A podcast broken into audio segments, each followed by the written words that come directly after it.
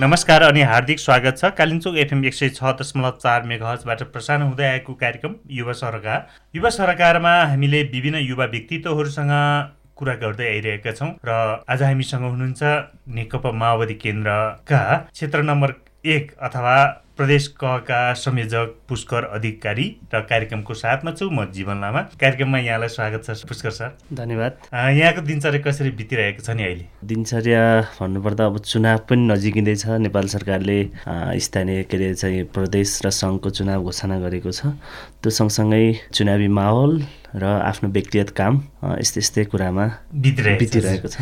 प्राय युवाहरूले भन्ने गर्छन् युवाहरूलाई चाहिँ राजनीतिक दलले भर्याङ मात्रै बनाउँछन् र उनीहरू माथि पुगिसकेपछि युवाको माग युवाको समस्याहरू चाहिँ बिर्सन्छन् भनेर भनिरहँदाखेरि तपाईँ भर्खर मात्र चाहिँ नेकपा माओवादी केन्द्र दोलाखाको क्षेत्र नम्बर एकको अथवा प्रदेश कको चाहिँ संयोजकको भूमिका चाहिँ पाउनु भएको छ। तपाईँलाई के लागिरहेछ? पक्कै पनि युवाहरूले पाउनै पर्ने हो अथवा युवाले चाहिँ गर्न सक्ने युवाको क्षमता अनुसार चाहिँ पदे हैसियत पाएको भन्ने के लाग्छ? मलाई चाहिँ ठ्याक्कै त्यो चाहिँ लाग्दैन तपाईँको वृद्ध युवाहरूले अवसरै नपाएका युवाहरूलाई अवसरै नदिएको भन्ने त होइन।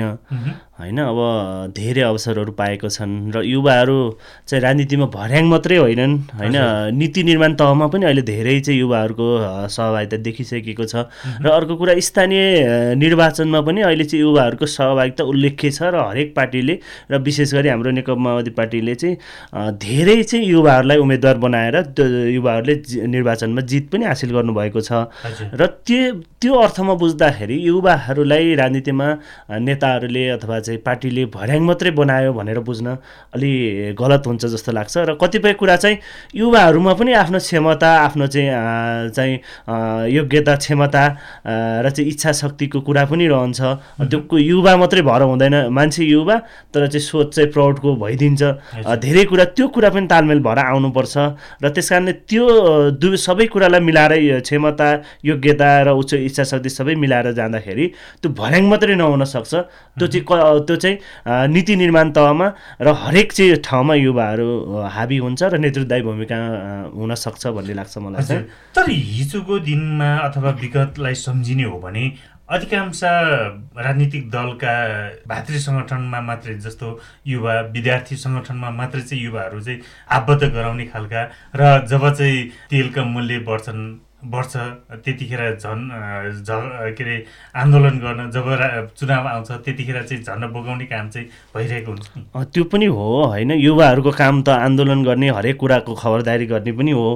होइन? त्यस कारणले गर्दाखेरि त्यो खबरदारी पनि चाहिँ आवश्यक नै छ र हरेक आन्दोलनको नेतृत्व पनि युवाले नै गरिरहेको छ। र अब हामीले अलिकति त्यो परिभाषालाई चाहिँ अलि अलिक परिभाषा चाहिँ अलिक परिवर्तन गर्नुपर्छ। आन्दोलनमा मात्रै युवालाई होइन चाहिँ मैले अघि पनि पनि भने हाम्रो नेकपा माओवादी पार्टीले चाहिँ हरेक ठाउँमा युवालाई अवसर दिएको छ। हाम्रो चाहिँ अब दोलखाकै कुरा गर्नुपर्दा हाम्रो प्रदेश सभामा चाहिँ युवा नेतै हुनुहुन्छ। होइन अब चाहिँ तपाईँको पार्टीमा पनि चाहिँ सबैजना युवा नै हुनुहुन्छ। अहिले भर्खर चाहिँ भर्खर सचिवदेखि लिएर पूर्व सचिवहरूदेखि लिएर पार्टीका हरेक लिडरहरू हाम्रो चाहिँ यङ नै हुनुहुन्छ। र अहिले भर्खर तपाईँको चाहिँ वाइसिएलको राष्ट्रिय सम्मेलनबाट प्रतिनिधित्व गर्ने छजना पनि भर्खरका युवाहरू अठाइसदेखि तिस तिस वर्षभन्दा माथिका चाहिँ युवाहरू हुनुहुन्न। तिसदेखि तलका युवाहरू चाहिँ नेतृत्वमा यो वाइसएलको केन्द्रीय सदस्य हुनुहुन्छ। पार्टीको जिल्लामा पनि चाहिँ तपाईँको नौवटा स्थानीय तहमा सबै स्थानीय तहमा चाहिँ तपाईँको नाइन्टी पर्सेन्ट चाहिँ युवाहरूको चाहिँ युवाहरू अध्यक्ष हुनुहुन्छ पार्टीको अध्यक्ष हुनुहुन्छ र अहिले निर्वाचित अध्यक्षहरूमा पनि गाउँपालिका अध्यक्षहरू पनि युवा हुनुहुन्छ। त्यस कारणले गर्दाखेरि हाम्रो पार्टी चाहिँ मैले ठोकाका साथ के भन्छ भने युवाहरूलाई अवसर दिने पार्टी हो भनेर मैले बुझ्छु। र आन्दोलनमा मात्रै युवाहरूलाई परिचालन गर्छ यो पार्टी। पार्टीले भनेर हामी चाहिँ अलि त्यसरी बुझ्दैनौँ। तपाईँहरूलाई चाहिँ के लाग्छ कि युवाहरूले नेतृत्व पाइसकेपछि चाहे तपाईँले अहिले भन्नुभएको जस्तो चाहे जनप्रतिनिधिहरू होस् चाहे राजनीतिक दलकै चाहिँ मुख्य अथवा जिम्मेवारी पदे हैसियतमा पुगे होस् फरकपन चाहिँ के आउँदो रहेछ नि? होइन फरकपन त अब मैले भने नि अब तपाईँको युवा मात्रै भनेर हुँदैन हेर्नुहोस् उसमा इच्छा शक्ति चाहियो काम गर्ने चाहिँ जोस जाँगर चाहियो मान्छे चाहिँ पछिल्लो अवस्थामा धेरै जनप्रतिनिधिहरू वडा लिएर गाउँपालिका नगरपालिका अध्यक्ष उपाध्यक्षसम्म पनि युवाहरूले चाहिँ नेतृत्व। गर्ने अवसर पाएका। छन्। फरक केही पाउनुभयो? फरक उहाँहरूमा अलिकति काम गर्ने तरिका त फरक भयो हुनु नै पर्छ र भएको पनि देखिन्छ अलिकति चाहिँ उहाँहरू फिल्डमा खट्ने जनताको सेवा गर्नेदेखि लिएर हरेक चाहिँ नीति निर्माण गर्ने कुरामा अलिकति अब्बल देखिनुपर्छ र देखिनु पनि भएको छ। र मेन कुरा ऊभित्र चाहिँ कति इच्छा शक्ति छ? तपाईँको चाहिँ ऊभित्र कति क्रिए क्रिएटिभिटी छ? त्यो त्यसमा भर पर्छ जस्तो लाग्छ मलाई। र त अहिले अब भर्खरै त भर्खर भर्खर निर्वाचित हुनुभएको छ। अहिले त स्थानीय तहको चाहिँ उसको नेतृत्वको पनि चाहिँ हामीले धेरै मूल्याङ्कन अहिले गर्न पनि अलिक समय अलिक छिटो हुन्छ जस्तो लाग्छ। र उहाँहरूमा केही न केही फरकपन त आउनु नै पर्छ मलाई जहाँसम्म लाग्छ। नत्र त हामीले चाहिँ हामी युवाले अवसर पानौँ युवाले केही गर्न सकेनौँ नेताले चाहिँ त भर्याङ बनाए मात्रै भन्नुको त्यो तुक रहँदैन। त्यस कारणले गर्दाखेरि केही न केही फरक चाहिँ आउनु पर्यो र त्यो आउनको निम्ति ऊभित्र चाहिँ कम्तीमा चाहिँ तपाईँको क्रिएटिभिटी उसँग चाहिँ केही गर्छु भन्ने चाहिँ हुटुटी हुनु पर्यो।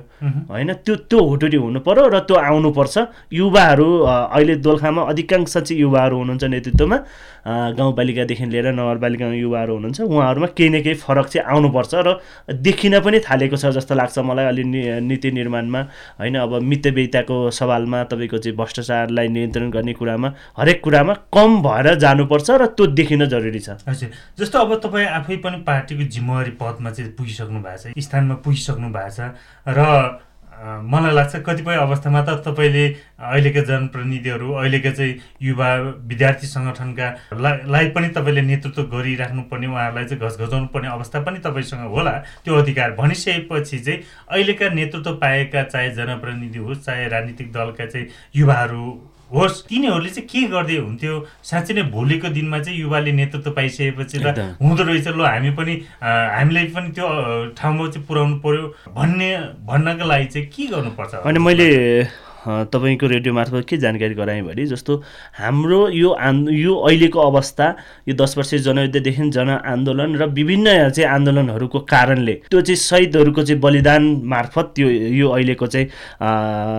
जुन यो व्यवस्था यो अहिलेको परिवर्तन सम्भव भएको र अहिलेका निर्वाचित जनप्रतिनिधिहरूले त्यो त्यो आम युवाहरूले चाहिँ त्यो कुरा बुझ्न जरुरी छ र यो सामान्य प्रक्रियाबाट आएको परिवर्तन होइन। यो जुन सङ्घीयता छ धर्मनिरपेक्षता छ समावेशिता छ यी कुराहरूलाई चाहिँ स्थापित गर्नलाई समाजमा स्थापित गर्नको निम्ति युवाहरूले केही न केही फरक गरेर देखाउनुपर्छ र त्यो चाहिँ तपाईँको कस्तो हुनसक्छ भनेदेखि हामीले धेरै कुरा स्थानीय तहबाटै चाहिँ विकास गर्ने हो। हामीले देख्यौँ नि धरानमा चाहिँ हर्क साम्पाङले गरेका कामहरूदेखि लिएर हरेक कुरा हामीले हेर्दै जाँदाखेरि तपाईँको अहिले जनताले धेरै ठुला ठुला चाहिँ आकाङ्क्षाहरू जनताहरूले चाहिँ धेरै उथल पुथल पनि चाहेका छैनन्। स्थानीय स्तरमा जनताले सहज तरिकाले सेवा सुविधा पाउने र त्यो सँगसँगै तपाईँको चाहिँ प्रत्यक्ष जनताको चाहिँ जीवनसँग केही परिवर्तन हुन सक्ने योजनाहरू ल्याउनुपर्छ। र हामीले बाटो घाटो तपाईँको चाहिँ स्वास्थ्य चौकी विद्यालय यो नियमित प्रक्रियामा हुँदै जान्छ। यसलाई यसलाई पनि जोडबल दिनुपर्छ जस्तो भौतिक संरचनामा तपाईँको सडक निर्माणदेखि लिएर स्वास्थ्य शिक्षालाई पनि हामीले महत्त्वपूर्ण चाहिँ दिनुपर्छ टाइम दिनुपर्छ। तर अबका युवाहरूले सोच्नुपर्ने भनेको तपाईँको चाहिँ प्रत्यक्ष प्रत्यक्ष चाहिँ उसले गरेको कामबाट उसले गरेको विकास निर्माणबाट त्यहाँका जनताले कसरी चाहिँ उपभोग गर्न पाउँछ र त्यो जनताको जीवनीसँग चाहिँ के अर्थ राख्छ? त्यसरी चाहिँ हामीले मूल्याङ्कन गरेर त्यो कुरालाई चाहिँ ख्याल गरेर हामीले अगाडि बढ्यौँ र नीति निर्माण गऱ्यौँ कार्यक्रम बनायौँ भनेदेखि ती युवाहरू पनि सफल भएर जान सक्छन् र चाहिँ हरेक चाहिँ सङ्गठनहरू पनि सफल भएर जान सक्छन्। अब चाहिँ हामी आन्दोलनलाई मात्रै चाहिँ केन्द्रबिन्दु राखेर होइन विद्यार्थी सङ्गठनहरूले पनि केही उत्पादनसँग केही चाहिँ व्यवसायसँग चाहिँ जोडेर चाहिँ केही फरक ढङ्गले काम गर्नुपर्छ युवा सङ्गठनहरूले त्यसरी काम गर्नुपर्छ र चाहिँ पार्टीले पनि चाहिँ अब चाहिँ पार्टी सङ्गठनमा पनि सबै कार्यकर्ताहरूलाई काहीँ न काहीँ एडजस्ट हुने गरी काहीँ न काहीँ चाहिँ त्यो त्यो चाहिँ तपाईँको चाहिँ व्यवस्थित हुने गरी लगाउनुपर्छ भन्ने मलाई लाग्छ। र त्यो हाम्रो पार्टीको र हाम्रो व्यक्तिगतबाट पनि त्यो खालको चाहिँ पहल हुनेछ। जस्तो अब राजनीतिक दलका ले नेतृत्वले दिने प्रशिक्षणहरू अथवा भेला कार्यक्रमहरूतिर होस् अथवा विद्यार्थी युवाहरूको भेला कार्यक्रमतिर होस् प्रशिक्षण चाहिँ के हुन्छ? कि तपाईँले भन्नुभएको जस्तै अब चाहिँ जनस्तर के अरे जनजीविकासँग जोड्नुपर्छ जनतासँग चाहिँ प्रत्यक्ष जोड्नुपर्छ र व्यावहारिक शिक्षाको कुरा पनि होला। अहिले धेरै युवाहरू वैदेशिक रोजगारमा पनि गइरहेका छन्। यी विषयहरूलाई चाहिँ कसरी चाहिँ प्रशिक्षित हुन्छ कि हिजोकै पाराको हुन्छ कि अब चाहिँ अलिक फरक ढङ्गले चाहिँ हामी चल्नुपर्छ है भन्ने त्यस्तो केही हुन्छ? एकदम फरक ढङ्गले नै जानुपर्छ। अब हामीले चाहिँ धेरै वादको कुरा गरेर मार्क्सवाद लेनिनवाद माओवादको मात्रै कुरा गरेर चाहिँ अब जनताले सुन्नेवाला पनि छैन कार्यकर्ताले सुन्नेवाला पनि छैन। त्यस कारणले पार्टी र जन पार्टी जनसङ्गठनलाई चाहिँ जनतासँग चाहिँ एकाकार गर्ने त्यो खालको योजना त्यो खालको प्रशिक्षण त्यही गर्नुपर्छ र अब नयाँ ट्रेन्डबाट सुरु पनि हुन्छ जस्तो लाग्छ मलाई। हाम्रो त पार्टीले चाहिँ त्यो खालको नीति पनि ल्याएको छ।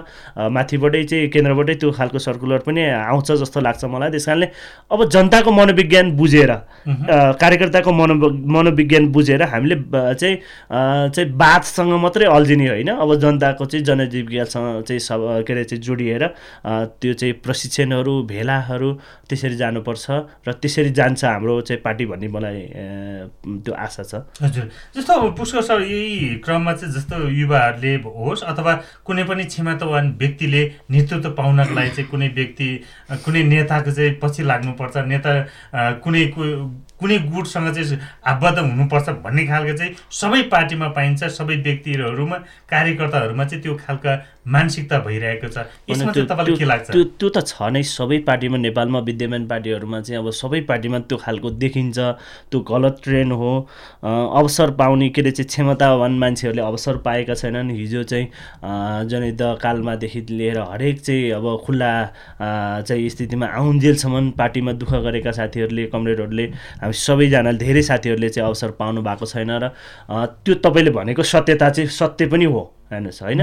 नेतालाई कसैलाई नजिक लाग्छ भने उसले अवसर पाउँछ होइन? कसैलाई चाहिँ तपाईँको चाकरी गऱ्यो भने उसले अवसर पाउँछ र यी कुराहरूको अन्त्य हुनुपर्छ भनेर लाग्ने मान्छेहरू हामी हामी हौँ।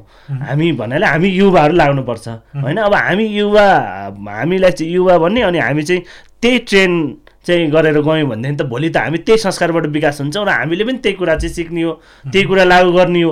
त्यस कारणले गर्दाखेरि अब हामी त्यसको विरोधमा लाग्नुपर्छ। अब विरोधमा चाहिँ तपाईँ त्यो मुखमा मात्रै होइन कि व्यवहारिक रूपमा लाग्नुपर्छ भन्ने मलाई लाग्छ हेर्नुहोस्। र यो कुराको अन्त्य हुनुपर्छ। चाकडी प्रथाको होइन चाप्लोसी प्रथाको यो कुराको चाहिँ अन्त्य हुनुपर्छ। र त्यो चाहिँ क्षमतावान मान्छेहरूलाई पार्टीले पनि नेतृत्वले पनि हरेक पार्टीले चाहिँ अवसर दिनुपर्छ। भन्ने नै लाग्छ। हजुर जस्तो अब तपाईँकै पार्टीमा पनि होला अरू पार्टीमा पनि होलान् अधिकांश युवाहरू बेरोजगार भएकै कारण अथवा तपाईँले पटक पटक उठान गर्नुभएको शब्द क्षमता क्षमा क्षमतावान नभएकै कारण हो कि अथवा पार्टीले सही परिचालन अथवा सही व्यवस्था गर्न नसके हो? अहिलेका बेरोजगार युवाहरू अथवा अहिलेको चाहिँ विदेशी पर्ने बाध्यता युवाहरूमा जति छ त्यो कारण चाहिँ के होला? होइन क्षमता नभएर त पक्कै होइन। क्षमता भएका मान्छेहरूले पनि चाहिँ त्यो खालको चाहिँ अवस्था छ। र मेन कुरा चाहिँ अब राज्यको नीति होइन अब चाहिँ म त मैले त हरेक ठाउँमा बोल्ने गरेको छु जस्तो हाम्रो ट्रेन चाहिँ कस्तो रह्यो भने गाउँघरमा चाहिँ तपाईँको गाउँघरमा हरेक चाहिँ वित्तीय संस्थाहरू छन् सहकारीदेखि लिएर हरेक कुराहरू छन् अब ब्याङ्ककै कुरा गरौँ। अब उहाँहरूको पनि चाहिँ नीति अब हामी चाहिँ गाउँको एउटा युवा गाउँमा केही व्यवसाय गर्छु भन्छ भने उसलाई चाहिँ हामी सहजै ऋण दिँदैनौँ। होइन अब ऊ चाहिँ म विदेश जान्छु भन्यो भने त्यो सहकारी त्यो चाहिँ ब्याङ्कले उसलाई सहजै तरिकाले ऋण दिन्छ। त्यस कारण कतिपय क्षमतावान साथीहरू क्षमतावान मान्छेहरू क्षमता भइ भइकन पनि चाहिँ तपाईँको चाहिँ विदेशी परेको छ होइन? त्यो अवस्था छ। त्यस कारणले गर्दाखेरि अब कतिपय चाहिँ मान्छेहरू आफन्त भएकै कारणले कोही नजिक भएकै कारणले अनुदान लिएर चाहिँ काम गरेको गरे हुनुहुन्छ होइन? कतिपय साथीहरू काम गरेर पनि चाहिँ अनुदान नपाउने अवस्था छ होइन? त्यस कारणले गर्दाखेरि तपाईँको त्यो त्यो राज्य जसले नीति निर्माण गर्छ त्यो नीति निर्माण गर्ने मान्छेहरूले चाहिँ के सोच्न जरुरी छ भनेदेखि कम्तीमा अवसर पायो भनेदेखि अवसर पायो भने त्यो विदेश हुनु पर् विदेश पलायन हुने मान्छेले कम्तीमा चाहिँ मलेसिया दुबई कतार जाने मान्छेले पनि अहिले दुई तिन लाख रुपियाँ लगानी गर्छ। त्यो दुई तिन लाखले हामीले त्यो युवालाई चाहिँ स्वरोजगार बनाउन सक्छौँ जस्तो लाग्छ। तर हाम्रो चाहिँ नीति निर्माण नै त्यो खालको छैन। सरकारी पोलिसी नै त्यो खालको छैन। ऋण नै दिन नचाहने यहाँनिर चाहिँ स्थानीय स्तरमा चाहिँ काम गराउनै नचाहने उद्यमी बनाउन नचाहने स्वरोजगार बनाउन नचाहने चाहिँ त्यो खालको ट्रेन्डले गर्दाखेरि पनि क्षमता भएका मान्छेहरूले अवसर नपाएर अथवा चाहिँ त्यो खालको ऊ नभएर विदेश पलायन हुनुपर्ने। यहीँ हुँदाखेरि पनि बेरोजगार भएर बस्नुपर्ने त्यो अवस्था छ। त्यसो त अब अहिले मलाई लाग्छ सङ्घीय सरकारको मुख ताकिराख्नुपर्ने प्रदेश सरकारको चाहिँ भर पर्नुपर्ने अवस्था त स्थानीय सरकार स्वयंलाई पनि अधिकार दिइसकेको छ कि त्यहाँ चाहिँ देखिएका समस्याहरूलाई हल गर्ने।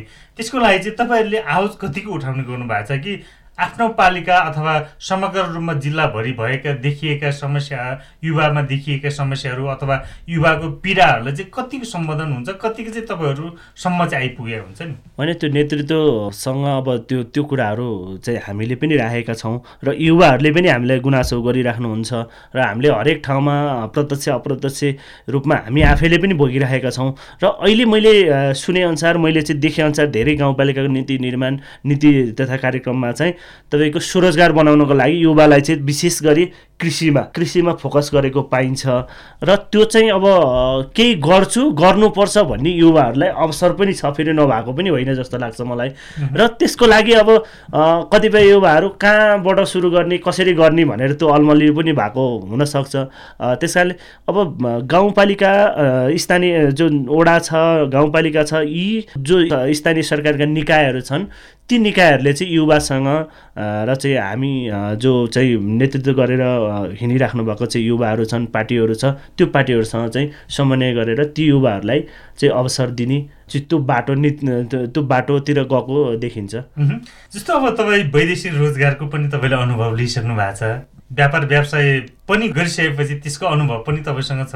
र अहिले राजनीतिक दलको मूलधारमा आइसकेपछि एउटा जिम्मेवारी हैसियत चाहिँ तपाईँले प्राप्त गरिसकेपछि चाहिँ समग्र रूपमा दोलखाको युवाहरूलाई निहाल्दाखेरि चाहिँ के चाहिँ भइदियो भने केही न केही जस्तो पाँच पर्सेन्ट दस पर्सेन्ट दोलखाका युवाहरूले चाहिँ रोजगार पाउँथेन होला। अथवा चाहिँ तपाईँले अघि भन्नुभएको जस्तो सरकारले पनि आहा हाम्रो सरकारले मेरो सरकारले चाहिँ मेरो लागि यति गर्यो है भनेर चाहिँ सरकारप्रति पनि गर्व महसुस गर्ने अवस्था आउँथ्यो होला। होइन अब मलाई चाहिँ ठ्याक्कै यसमा कस्तो लाग्छ भने तपाईँको जस्तो काम गर्ने मान्छेहरूलाई अवसर दिनुपर्छ र उसले चाहिँ अवसर पाउनुपर्छ र चाहिँ जो चाहिँ म यहीँ केही गर्छु स्वदेशमै केही गर्छु स्थायी स्तरमा केही गर्छु भन्दाखेरि उसलाई कसैको पावर नलाइकन स्वतन्त्र रूपले उसले भोलि अनुदान पाउने स्थानीय सरकारबाट पाउने चाहिँ सहुलियतहरू पाउने होइन? अब चाहिँ तपाईँको ऋणै पाउँदाखेरि सहुलियतमा पाओस् क्या? तपाईँको सहज तरिकाले पाओस् होइन?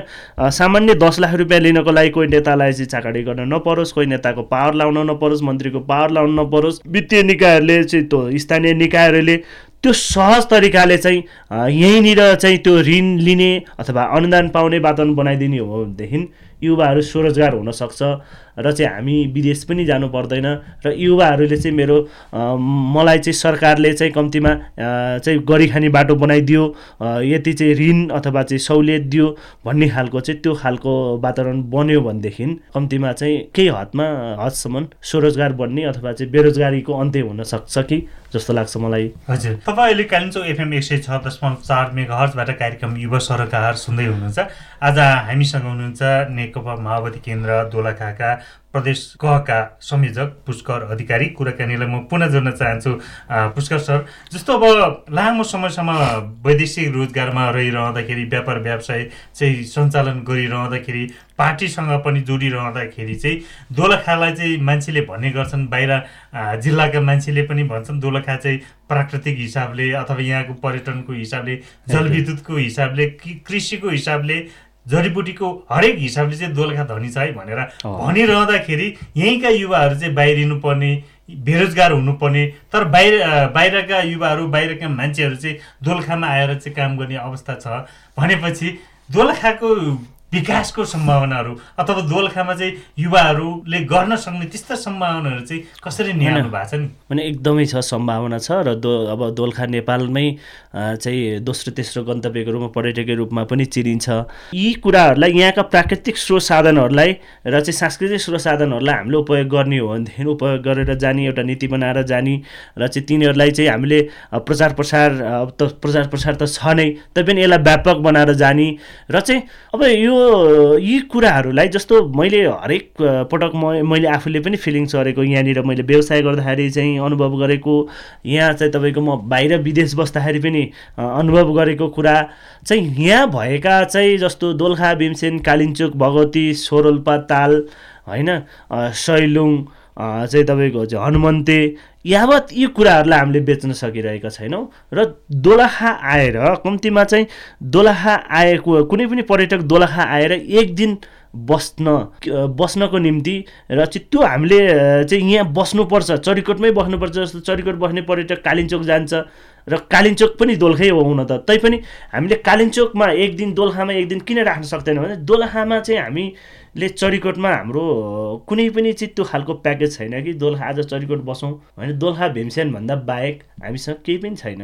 र चाहिँ कालिम्चोक भगवतीभन्दा बाहेक हाम्रो केही पनि छैन। यहाँ यहाँ चाहिँ कम्ती मनोरञ्जनको चिजहरू हुनु पऱ्यो होइन कम्तीमा चाहिँ त्यो चाहिँ पर्यटकहरू एक दिन यहाँ अडियोस्। र चाहिँ कम्तीमा यो प्याकेजको सिस्टम होस् होइन हनुमन्ते घुम्न पऱ्यो सैलुङ घुम्न पऱ्यो कालिम्चोक घुम्न पऱ्यो दोलखा भीमसेन घुम्न पऱ्यो अहिले तपाईँको चाहिँ भोरले झर्ना घुम्न पऱ्यो भनेदेखि हामी सब प्याकेजको सिस्टम छैन।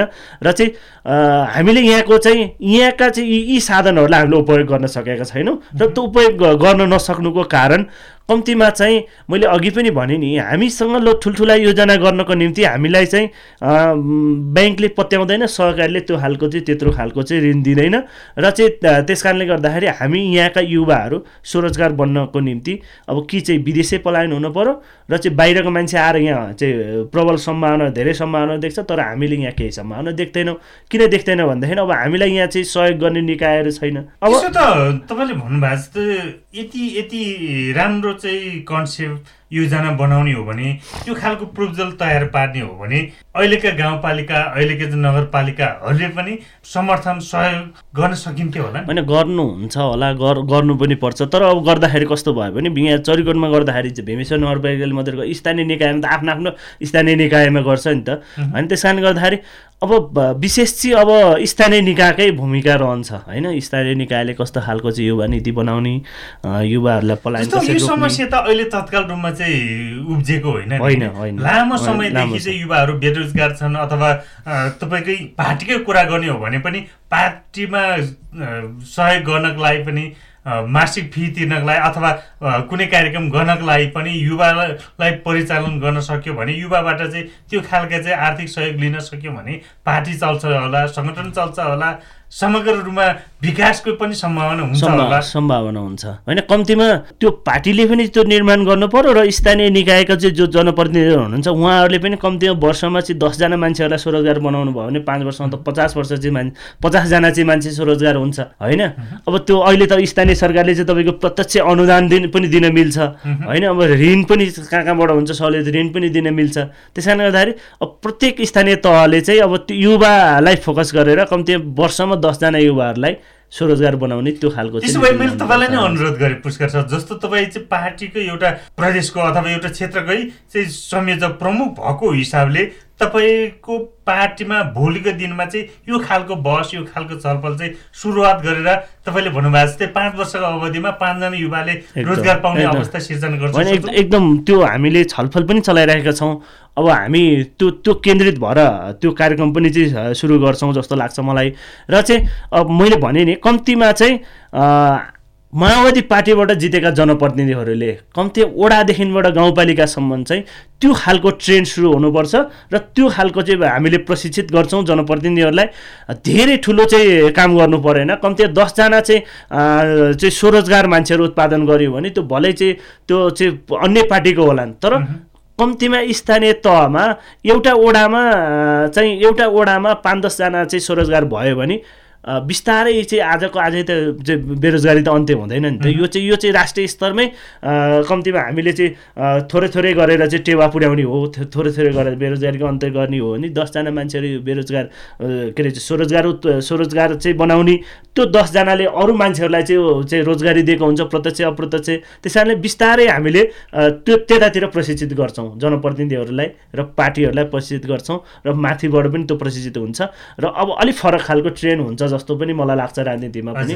होइन अब सधैँ हामी चाहिँ मैले अघि पनि भने नि हामी बातको मात्रै अब पछि लागेर हुँदैन हेर्नुहोस्। हामी जस्तो कार्यक्रम अन्तमा पनि आइसकेका छौँ जस्तो भर्खर मात्र सम्पन्न स्थानीय तहको चुनाव वैशाखमा सम्पन्न भयो त्यतिखेर पनि तपाईँ घर घरमा पुगिरहँदाखेरि जनतासँग मत मागिरहँदाखेरि र अब मङ्सिरमा हुन गइरहेको प्रदेश सङ्घीय सरकार सङ्घीय चुनावमा चाहिँ पनि फेरि अब तपाईँहरू घर घरमा पुग्नुहुन्छ होला। तिनै युवाहरूलाई चाहिँ भोट माग्नुहुन्छ होला। गत वर्ष अथवा गत चुनावको चाहिँ यदि समीक्षा गर्ने हो भने अनुभव लिने हो भने युवाले चाहिँ के खोजिरहेको हुँदो रहेछ भने यस्तो यस्तो लाग्छ मलाई चाहिँ अब हामीले प्रत्येक युवाहरूलाई प्रत्येक वृद्धहरूलाई प्रत्येक घरमा गएर चाहिँ त्यो खालको चाहिँ हामीले गऱ्यौँ। हामीले भेटघाट गऱ्यौँ मान्छेहरूसँग चाहिँ बुझ्दाखेरि। तपाईँको धेरै युवालाई त यो राजनीतिसँग चाहिँ सरोकारै छैन सरोकारै राख्दैन युवाले। अहिले तपाईँको चाहिँ हेर्नु न अहिले हामीले यस्तो बिग्रल अवस्था छ। बल्ल तल्ल प्लस टू पढ्छ प्लस टू पढे पछाडि ऊ चाहिँ विदेश गइहाल्छ हेर्नुहोस् कि जापान जान्छ कि अस्ट्रेलिया जान्छ कि क्यानाडा जान्छ। होइन उसले नेपालमा कुनै पनि फ्युचर देख्दैन। र चाहिँ स्थानीय स्तरमा पनि उसले चाहिँ तपाईँको त्यो पार्टी हेर्दैन कम्तीमा चाहिँ व्यक्ति हेर्छ। अब त्यो खालको ट्रेन्ड चाहिँ सुरु भएको छ हेर्नुहोस्। लु हामीले तपाईँ हामीले अनुभव गरौँ र व्यक्ति हेर्दैन जो सक्षम छ त्यो मान्छेलाई जिताएर जानुपर्छ। र चाहिँ फेरि धेरै ठुलो अपेक्षा पनि छैन जनताको। कम्तीमा चाहिँ जनताको साना साना काम गर्दै हुन्छ उसलाई। उसलाई सहज तरिकाले चाहिँ तपाईँको चाहिँ उसको फोन उठाइदिए हुन्छ। उसलाई चाहिँ परेको ठाउँमा चाहिँ तपाईँको सहयोग गरे हुन्छ। होइन? त्यो त्यो पार्टी हेर्दैन हेर्नुहोस्। त्यहाँ त्यो मैले आफैले हामी आफैले अनुभव गरेको। हामी आफैले अनुभव गरेको क्षेत्रपामा मेरो गाउँ क्षेत्रपा होइन स्थानीय स्तरमा हामीले नगरेको केही पनि छैन। हेर्नुहोस् दोलखा जिल्लामै चाहिँ कोरोनाको बेलामा विपद व्यवस्थापन भनेर पैसा उठायौँ हामीले सहयोग गऱ्यौँ जनतालाई। कोरोनाको बेलामा कसैको छेउमा नजाँदाखेरि कोही मान्छे छेउमा जाने पनि थिएन। हामीले चाहिँ त्यो बिरामीहरूलाई चाहिँ एम्बुलेन्स खोजेर दुनियाँ कुराएर चाहिँ गरेर चाहिँ हामीले त्यो सहयोग गऱ्यौँ। तर जनताले पनि के मूल्याङ्कन गर्दो रहेछ भने को त्यो पात्र चाहिँ को हो त? त्यो सहयोग गर्ने पात्र को हो? त्यो पार्टीको भनेपछि जसलाई पनि जिताउनुपर्छ। भनेर चाहिँ त्यो बाध्यकारी चाहिँ अहिले ठान्दैन हेर्नुहोस्। त्यो पार्टीबाट अलिकति फरक ट्रेन्ड छ र त्यो अबको आउने चुनावमा पनि त्यो हुन्छ हेर्नुहोस्। त्यो हुन्छ र चाहिँ अब चाहिँ धेरै गुन्डागर्दी चाहिँ पैसाले मात्रै काम गर्दैन हेर्नुहोस्। अब उसले उसले योभन्दा अगाडि कतिको प्रभाव राखेको छ काम गरेको छ जनताको काम कतिको गरेको छ यी कुराहरूलाई चाहिँ ख्याल गर्छ र जनताहरू पनि गाउँ गाउँमा सचेत भएको छन्।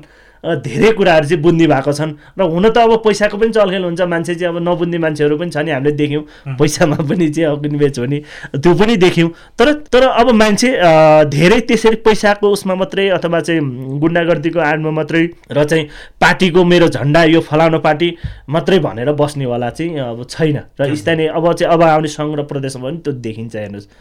भनेपछि यो पाँच वर्षको अवधिमा पक्कै पनि केही न केही प्रतिफल अथवा परिणाम चाहिँ पक्कै पनि युवाहरूले पाउनेछ पाउ- भन्ने आशा लाग्दछ? पाउनु मलाई चाहिँ आशा अब आशा गर्नुपर्छ हरेक कुरामा आशा गर्नुपर्छ हामी निराशा हुनु हुँदैन र चाहिँ हरेक कुरामा सम्भावना पनि देख्नुपर्छ।